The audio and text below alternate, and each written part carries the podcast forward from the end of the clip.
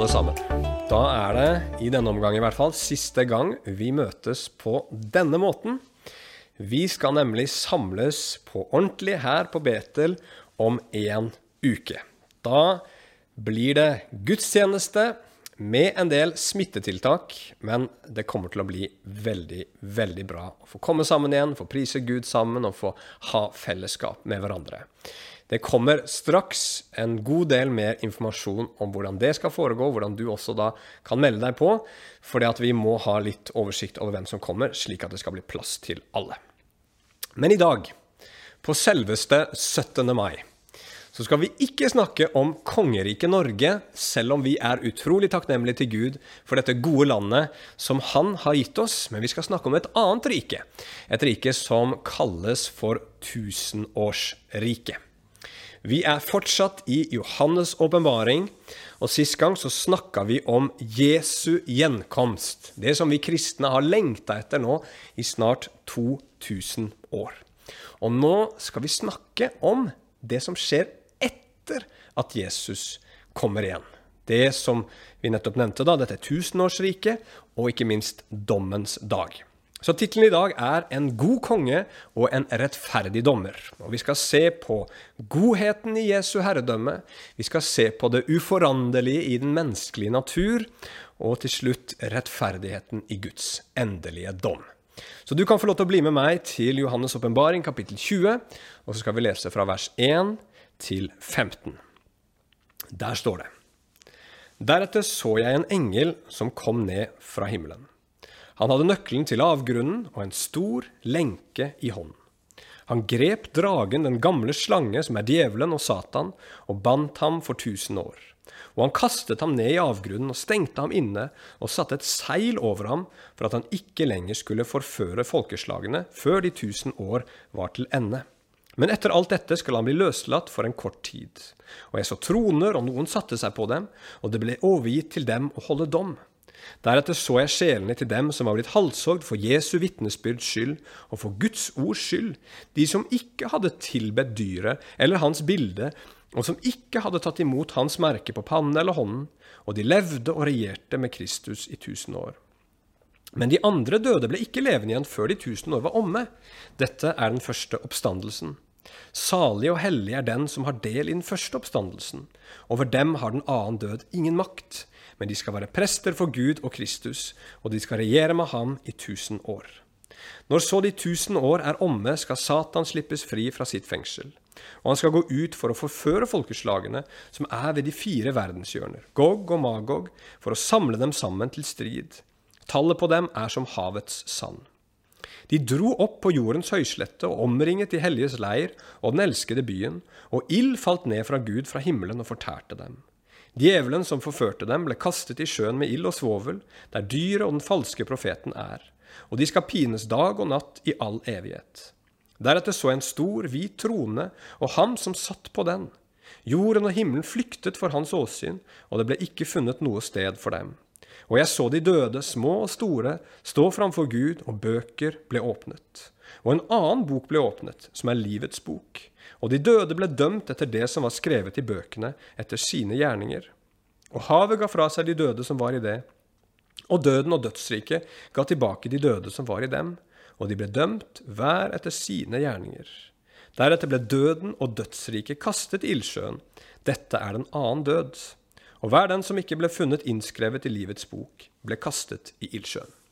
Skal vi be sammen? Kjære himmelske Far, vi ber igjen om at du ved Din Hellige Ånd skal åpenbare ordet for oss, at det skal få virke inn i våre hjerter og gjøre det du har sendt det for å gjøre. Hjelp meg også til å formidle dette her med liv og med kraft. I Jesu navn. Amen. Ok, Først så skal vi se på godheten i Jesu herredømme. Så etter at Jesus da har kommet tilbake, han har satt sine føtter på Oljeberget, og han har stanset denne verdenskrigen og, og, og grepet både dyr og den falske profeten, som vi har hørt om tidligere, så kommer det nå en engel ned fra himmelen med en stor lenke. Og han kommer for å binde dragen, står det. Og eh, stenge ham inne i avgrunnen, som er et slags oppbevaringssted for onde ånder, som vi har vært inne på tidligere i denne boka her. Og hvem er denne dragen? Vel, her er det ingen tvil. Han blir kalt den gamle slangen, igjen som vi husker fra Edens hage, og han blir kalt djevelen og Satan, som er vanlig navn på den onde i Bibelen.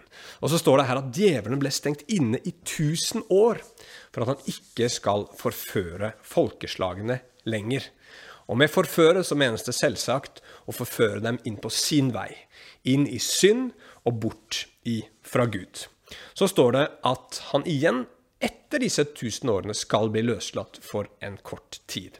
Det skal vi komme tilbake til. Men først, la oss snakke om dette, denne perioden hvor djevelen skal være bundet i tusen år. Hva er det? Jo, dette er den samme perioden som vi ser i vers 6, hvor Jesus skal regjere sammen med en gruppe som blir levende igjen på denne tiden.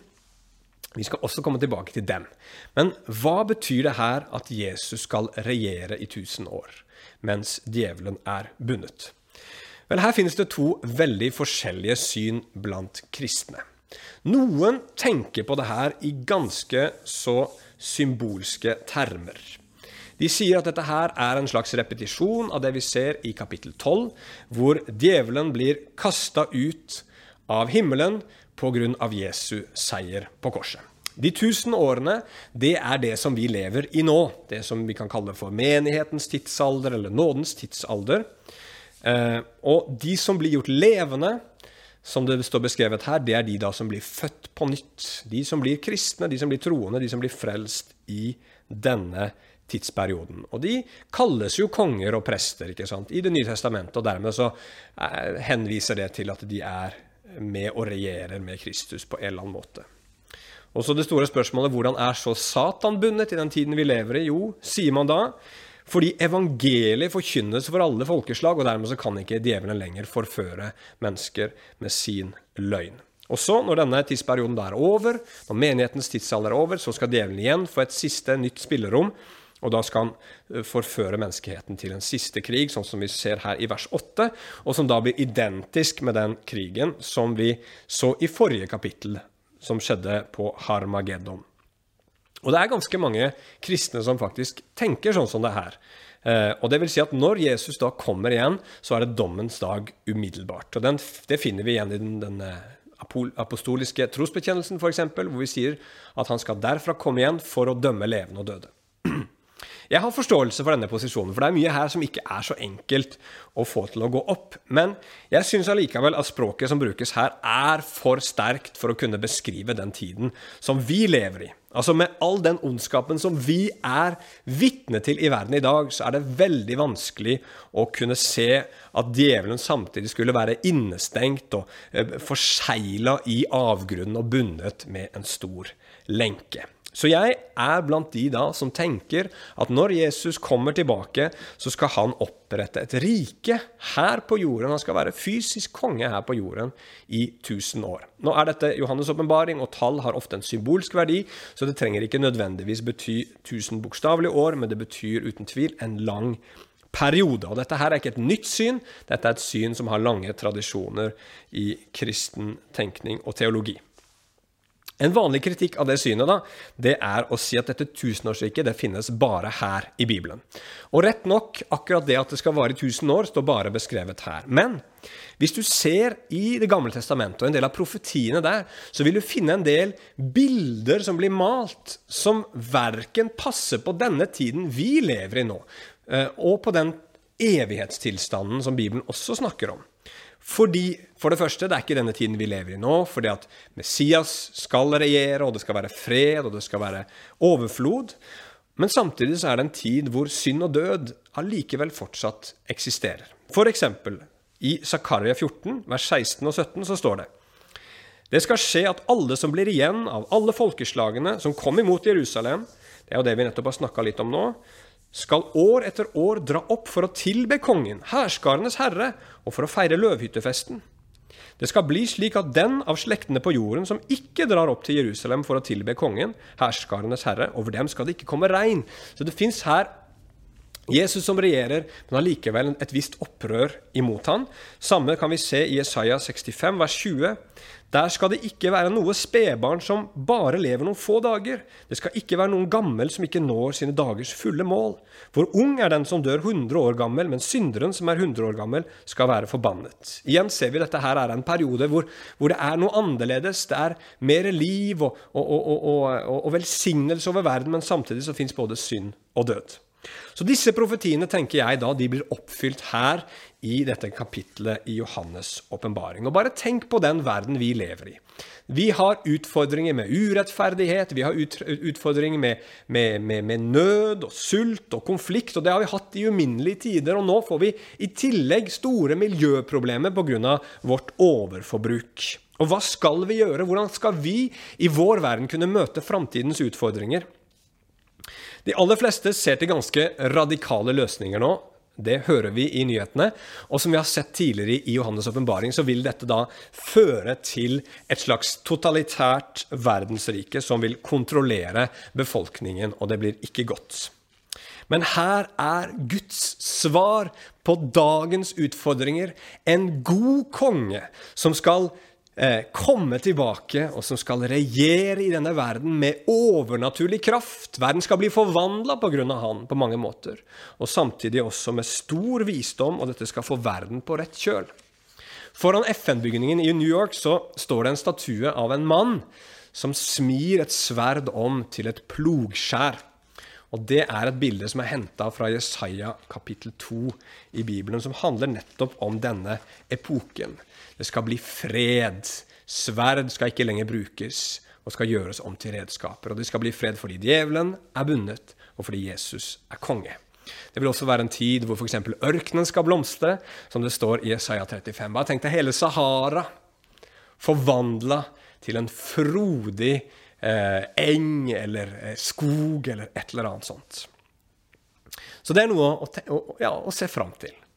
Men så er det et interessant spørsmål. Da. Hvorfor i all verden gjør Gud det? Hvorfor kunne vi ikke bare gått rett inn i evigheten? Og da tenker jeg at det rett og slett er at Gud vil vise hvor god selv denne falne verden kunne vært, bare han fikk være konge. Det er kanskje Den største grunnen til at mennesker avviser kristen tro i Norge i dag, det er at de, de, er for, de, er redde for at det skal gå ut over deres personlige frihet. Hvis Jesus blir konge, så mister vel jeg min frihet? Og, svaret på det er jo selvsagt ja på én side, men nei på en annen. Ja, Jesus kommer virkelig for å bli konge i livet ditt. Han ønsker virkelig å bestemme over hva du skal gjøre og ikke skal gjøre. Og Sånn sett så, så, vil du miste frihet, men samtidig så vil du erfare at når Jesus kommer inn i livet ditt, når du gjør han til konge, så får du en ny kraft i livet ditt som faktisk gir deg større frihet enn det du hadde. Det er nemlig sånn for alle oss mennesker at vi lever på en måte hvor vi gjør eh, eller ikke gjør det vi vil gjøre, og gjør det vi ikke vil gjøre. Vi er ikke de menneskene vi ønsker å være, men når du gjør Jesus til kongen, og han kommer inn, så vokser det fram en kraft.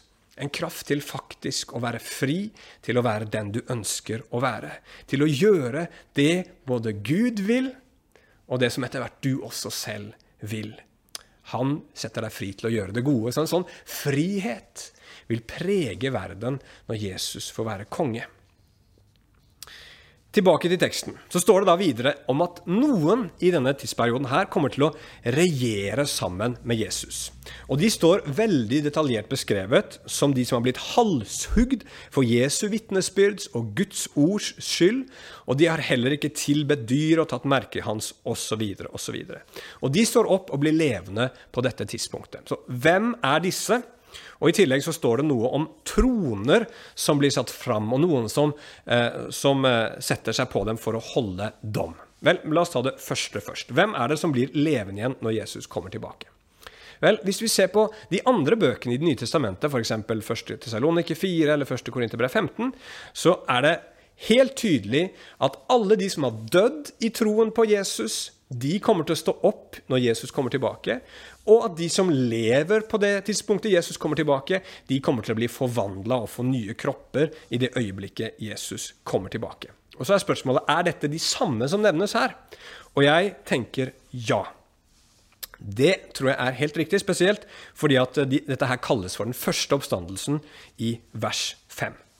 Så selv altså Når vi leser Nytestamentet, så, så, så, tenker jeg at det er sånn at selv om ikke alle uh, skal bli martyrer for Jesus skyld, så skal vi alle sammen miste vårt liv for å finne det. Selv om vi ikke alle sammen kanskje blir stilt på valg mellom å, å tilbe en verdenshersker og ta hans merke på vår kropp og, og liksom bli en del av hans kontrollsystem, så er det likevel sånn at alle kristne må tilbe og bøye seg for Gud alene, uten noen rival. Og En kjent rumensk pastor som led mye i rumenske fengsler under kommunisttiden, han har sagt følgende Vi er ikke alle kalt til å dø en martyrs død. Men vi er alle kalt til å ha den samme selvoppofrende ånd og kjærlighet til siste slutt, slik disse martyrene hadde. Og Når det da også står at det blir satt fram troner, og det skal holdes dom, noen setter seg på disse tronene, så tror jeg bare det er et uttrykk for at de som blir levende igjen ved Jesu komme, skal regjere sammen med Jesus. Og disse menneskene, står det her, er salige. Og hvorfor det? Jo, for over dem så har den annen død ingen makt. Og vi skal komme tilbake til hva det er. Men her står det at i denne tiden så skal da alle troende ved Jesu gjenkomst få lov til å lede verden sammen med Jesus. Og hvem er det de skal leve? lede? unnskyld. Det er ikke helt klart her, men det virker som om når Jesus kommer tilbake, så er det ikke sånn at hele verdens befolkning stryker med ved dette slaget ved Armageddon, men at alle de som er overlevende, eh, skal få lov til å leve inn i denne velsignede virkeligheten, dette tusenårsriket hvor Jesus er konge. Er de frelst da? Nei, det er det ikke. Og de følgende versene skal vise oss det og fortelle oss mer om menneskets uforanderlige natur. Vi mennesker vi har en tendens til å legge skylden for våre feil og mangler på forholdene vi lever under. Vi kan f.eks. si at åh, hadde jeg ikke hatt sånne barn, så, så hadde jeg ikke vært sånn en sint person. Eller hadde, ikke, eh, eller, hadde sexlivet i ekteskapet mitt vært bedre, så hadde jeg aldri vært utro. Eller hadde jeg hatt en bedre økonomisk situasjon, så hadde jeg aldri underslått de pengene. Når vi lever i en syndig verden, så er det veldig lett å skylde på andre menneskers synder, eller skylde på systemet for å unnskylde vår egen oppførsel, for å unnskylde oss selv. Dette er jo spesielt aktuelt tenker jeg, i vår tid, hvor det er nesten helgenstatus i det å, ha, å, å, få være et offer. Men Gud han avslører denne ideen fullstendig på slutten av dette tusenårsriket. Etter lange tider med lykke, fred, harmoni og overflod, så står det at djevelen skal bli sluppet fri for en kort stund. Og Hvorfor blir han sluppet fri? Jo, han får frihet som vanlig fordi han skal prøve menneskeheten for å se hva som bor i hjertene deres. Og selv etter å ha sett Guds gode styre og fått oppleve velsignelsene ved å leve under det i så mange år, så velger menneskeheten allikevel igjen å gjøre opprør mot Gud. Og Gud han beviser her for siste gang det som hele Bibelen har fortalt oss fra ende til annen. Det vi mennesker trenger, er ikke et enklere liv eller bedre omstendighet, men det vi mennesker virkelig trenger, er nye hjerter. Det er det som dypest sett egentlig bare kan forandre oss. Og det var derfor Jesus døde. Det var det Jesus døde for å gi oss. Og så står det her at alle folkeslagene fra verdens fire hjørner blir samlet. Og så blir det nevnt to navn her, Gog og Magog. Og dette her er navn da, som er henta fra Esekiel kapittel 38, 39. Les gjerne disse kapitlene. Veldig interessant lesning. Hvor det også da står om en sånn siste krig mot Gud og mot hans folk. Og akkurat som i Esekiel så faller det her ild ned fra himmelen og fortærer alle de som vender seg imot Gud. Akkurat som i siste kamp, som vi hørte om sist gang, siste krig, så blir det ingen kamp her heller, fordi at Jesus han er fortsatt suveren. Og så står det her at djevelen kommer til å få sin endelige dom. Han blir også, sånn som dyr og den falske profeten som vi har hørt om tidligere, kasta i denne ildsjøen, hvor han skal pines dag og natt i all evighet. Og Vi skal komme tilbake til denne ildsjøen straks. Men først skal vi snakke om denne majestetiske scenen som vi nå får se. og hvor vi skal få se på rettferdigheten i Guds endelige dom. Gjennom hele Bibelen så har vi fått høre om det, men eh, at det skal komme en dom, men nå er liksom dagen her endelig, hvor Gud skal dømme alle mennesker. Vi har hatt en del dom allerede i Johannes' åpenbaring, men det har på en måte vært midlertidig. Det har vært Guds, dom, Guds, dommer i historien, men den har ikke vært fullkommen, og den har ikke vært endelig. Men nå kommer den endelige, historien, endelig dommen. Unnskyld. Nå kommer Guds dom over historien og over hvert enkelt menneskes historie. Og scenen er total, en stor, Hvit trone dominerer bildet, og himmel og jord må flykte. Og så ser vi at det er en som sitter på denne tronen. Og hvem er det? Jo, fra de andre bøkene i Bibelen så vet vi at her er det Gud som skal dømme i sin sønn Jesus Kristus. Gud har overgitt dommen til han, står det flere steder. Så nå er det på en måte bare Gud igjen og hvert enkelt menneske som noensinne har levd. Når det står her at havet gir sine døde tilbake, og at døden og dødsriket gir sine døde tilbake, så betyr ikke det at de døde har vært oppbevart på forskjellige steder, men ganske enkelt er det bare for å understreke at her er absolutt alle som noensinne har levd. Små og store. Alle står på lik fot. Om du er har vært Napoleon eller Johnny fra Stovner eller Gandhi eller en eller annen helt ukjent person fra fjernt eller nært, så står absolutt hvert eneste menneske nå framfor Gud. Og Det er nærmest en sånn høytidelig stemning her. Her åpnes det bøker, står det. Og en helt spesiell bok som nevnes ved navn, som kalles for Livets bok. Og I disse andre bøkene så ser det ut til å være oppskrevet menneskenes gjerninger, og det er disse gjerningene som menneskene blir dømt etter. Så står det videre at hvis noen ikke blir funnet i livets bok, så blir de kasta i ildsjøen. Den blir også kalt her for den andre død, og det vil si en død etter den fysiske død. Og Dette er det som Bibelen kaller for det ytterste mørke, eller helvete, eller fortapelsen. Så scenen er ganske grei å forstå, selv om vi forstår at det er en del symbolikk her. Eh, Gud skal en dag dømme alle mennesker med en rettferdig dom, i lys av hele sannheten om hvem de var, og hva de har gjort. Og det er klart det er en god ting. Det finnes f.eks. undersøkelser som har vist at når mennesker tror på en dom etter døden, så lever de livene sine annerledes. For det første så lar det vår moral gå litt dypere enn å bare gjøre det som er rett når andre mennesker ser oss. Hvis det finnes en Gud som kjenner alt, så vil ingen kunne slippe unna. Hitler, f.eks., som bare tok livet sitt etter all den ondskapen han hadde gjort, og aldri ble stilt framfor en menneskelig domstol. Han skal likevel bli dømt. Den skyldige i Orderud-saken, som, som, som stort sett ingen vet hvem var, vet Gud hvem var, og kommer til å dømme. Eller ting som ingen vet om har blitt gjort, ting som har blitt gjort i det skjulte.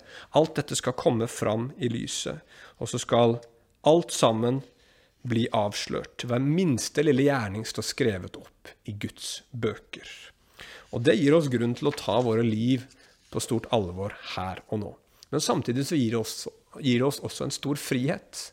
Det gjør at vi, når vi vet at ingen slipper unna, kan leve slik som romerne kapittel 12 snakker om, hvor vi overlater dommen til Gud. Når noen gjør noe ondt imot deg, så er det lett å ville reagere, det er lett å ville ønske rettferdighet, hevn og straff osv.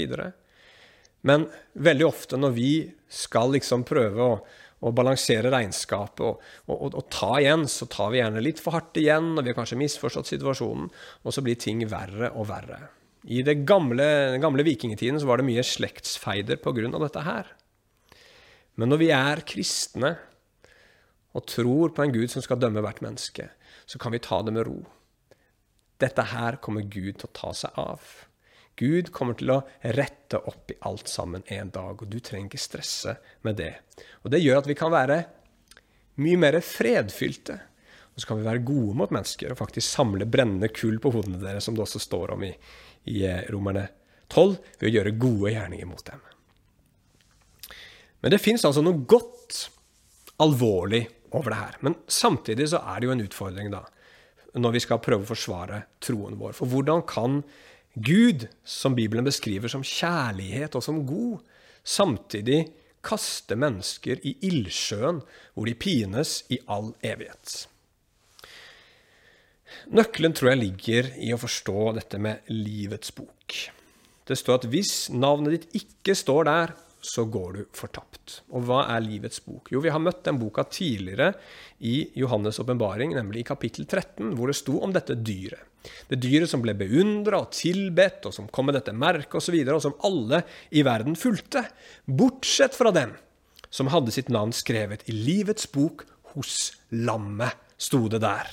Og det er altså de som tror på Jesus som Guds offerlam for sine synder. De tror at Jesus tok straffen for det gale de har gjort, ja, til og med på en måte tok fortapelsen for dem da han døde på korset. De skal gå fri. Men er ikke det litt urettferdig, da, at Gud måtte lar disse gå fri bare fordi de tror på Han? Og de andre som ikke kanskje ville tro, så sier Gud 'Hæ, ville dere ikke tro på meg? Ja, nå skal dere få igjen'. Virker ikke det litt sånn irrasjonelt av Gud, nærmest? Vel, det er ikke tilfeldig at Gud har valgt å frelse mennesker gjennom tro. Fordi at tro på Jesus er så mye mer enn å bare tro at han fins, eller å tro sånn rent teoretisk at Jesus døde for menneskenes synder. Å tro på Jesus sier noe om hvem Jesus er for deg, hvem Gud er for deg. Hvis du tror på Jesus, så er det ingen andre enn han du vil ha som konge. Hvis du tror på Jesus, så er det ingen andre enn han du vil ha som din absolutte sikkerhet. Hvis du tror på Jesus, så er det ingen andre du vil finne din dypeste glede i enn han. Og da kan denne verden komme med sine trusler og sine lokkemidler, sin forfølgelse eller sin forførelse. Du vil ikke bytte Jesus mot noen ting. Du vil ikke forlate han, du vil ikke gi han opp. Du vil leve for han og med han. Så når alt kommer til alt, når dommens dag er kommet, så sier Gud til alle de som vil ha Jesus som sin konge, som sin trygghet, som sin glede, vær så god, dere skal få det dere vil ha. Og det er himmelen. Og på samme måte så sier Gud til alle de som ikke vil ha Jesus, de som ikke vil ha han som sin konge, trygghet og glede, men vil finne det andre steder, så sier Gud, vær så god, dere skal få det dere vil ha. Og det er ildsjøen. Det er et pinens sted. For uten Jesus som konge, så fins det ikke noe håp så fins det ingen hvile, og så fins det heller ingen glede. Til syvende og sist, når Guds dom faller, så handler dette om det som Sting, for de av dere som husker han, sang masse flotte sanger på 80-tallet. Og en av de sangene som han skrev, det var Set Them Free. Og der synger han If you love somebody, set them free. Altså, hvis du elsker noen, sett dem fri. La dem få være fri. Og det er det dette handler om. Det er Gud som setter mennesker fri til å velge. Og han vil ikke tvinge noen til å tilbringe evigheten sammen med han. Skal de kristne også komme for denne dommen? Noen hevder at det finnes forskjellige dommer, og de kristne ikke skal komme fram for den dommen. Men det virker virkelig på meg når jeg leser dette, som dette innebefatter absolutt alle mennesker, også de kristne. Men som vi ser i Det nye testamentet, så er det ikke bare sånn at de som har navnet sitt skrevet i livets bok, de blir frikjent på denne dagen, og dermed ikke kommer for dommen, sånn som Jesus sier i Johannes evangelium. Men de skal også få belønning etter hvordan de har levd livet sitt her nede. Og Det snakker Jesus om i mange av sine lignelser. Det finner du i 1. Korinterbrev kapittel 3 og i 2. Korinterbrev kapittel 5, blant annet. Og så står det at selve døden og dødsriket også skal bli kastet i denne ildsjøen. Og da blir døden den siste fiende beseira, sånn som 1. Korinterbrev kapittel 15 vers 26 forteller. Men poenget her, og det skal vi avslutte med, er det som Gud sa til sitt folk gjennom Moses i 5. Mosebok kapittel 19. Jeg har i dag satt foran dere døden og livet, velg livet. Å velge livet for oss i dag, det betyr å vende oss bort ifra synden og vende oss til Jesus. Og gi våre liv til Han. Da lover Bibelen oss at vi er salige, og den andre død skal ikke ha noen makt over oss. Da skal vi leve sammen med Han for alltid. La oss be til slutt. Kjære himmelske Far, jeg ber om at disse enkle ordene, Herre, fra disse vanskelige og krevende versene i Johannes' åpenbaring, Herre Jesus, skal synke inn og ha sin effekt. Hjelp oss til å frykte deg, ha ærefrykt på deg på rett måte, så vi ikke kaster bort disse livene, men lever dem sånn som du vil, og at vi mest av alt vender oss til deg, Jesus.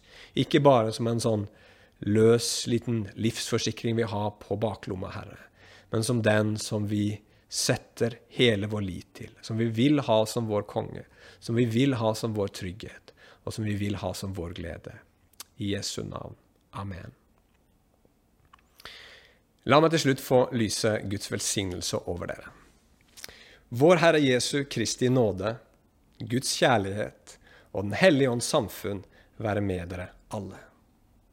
Takk for i dag.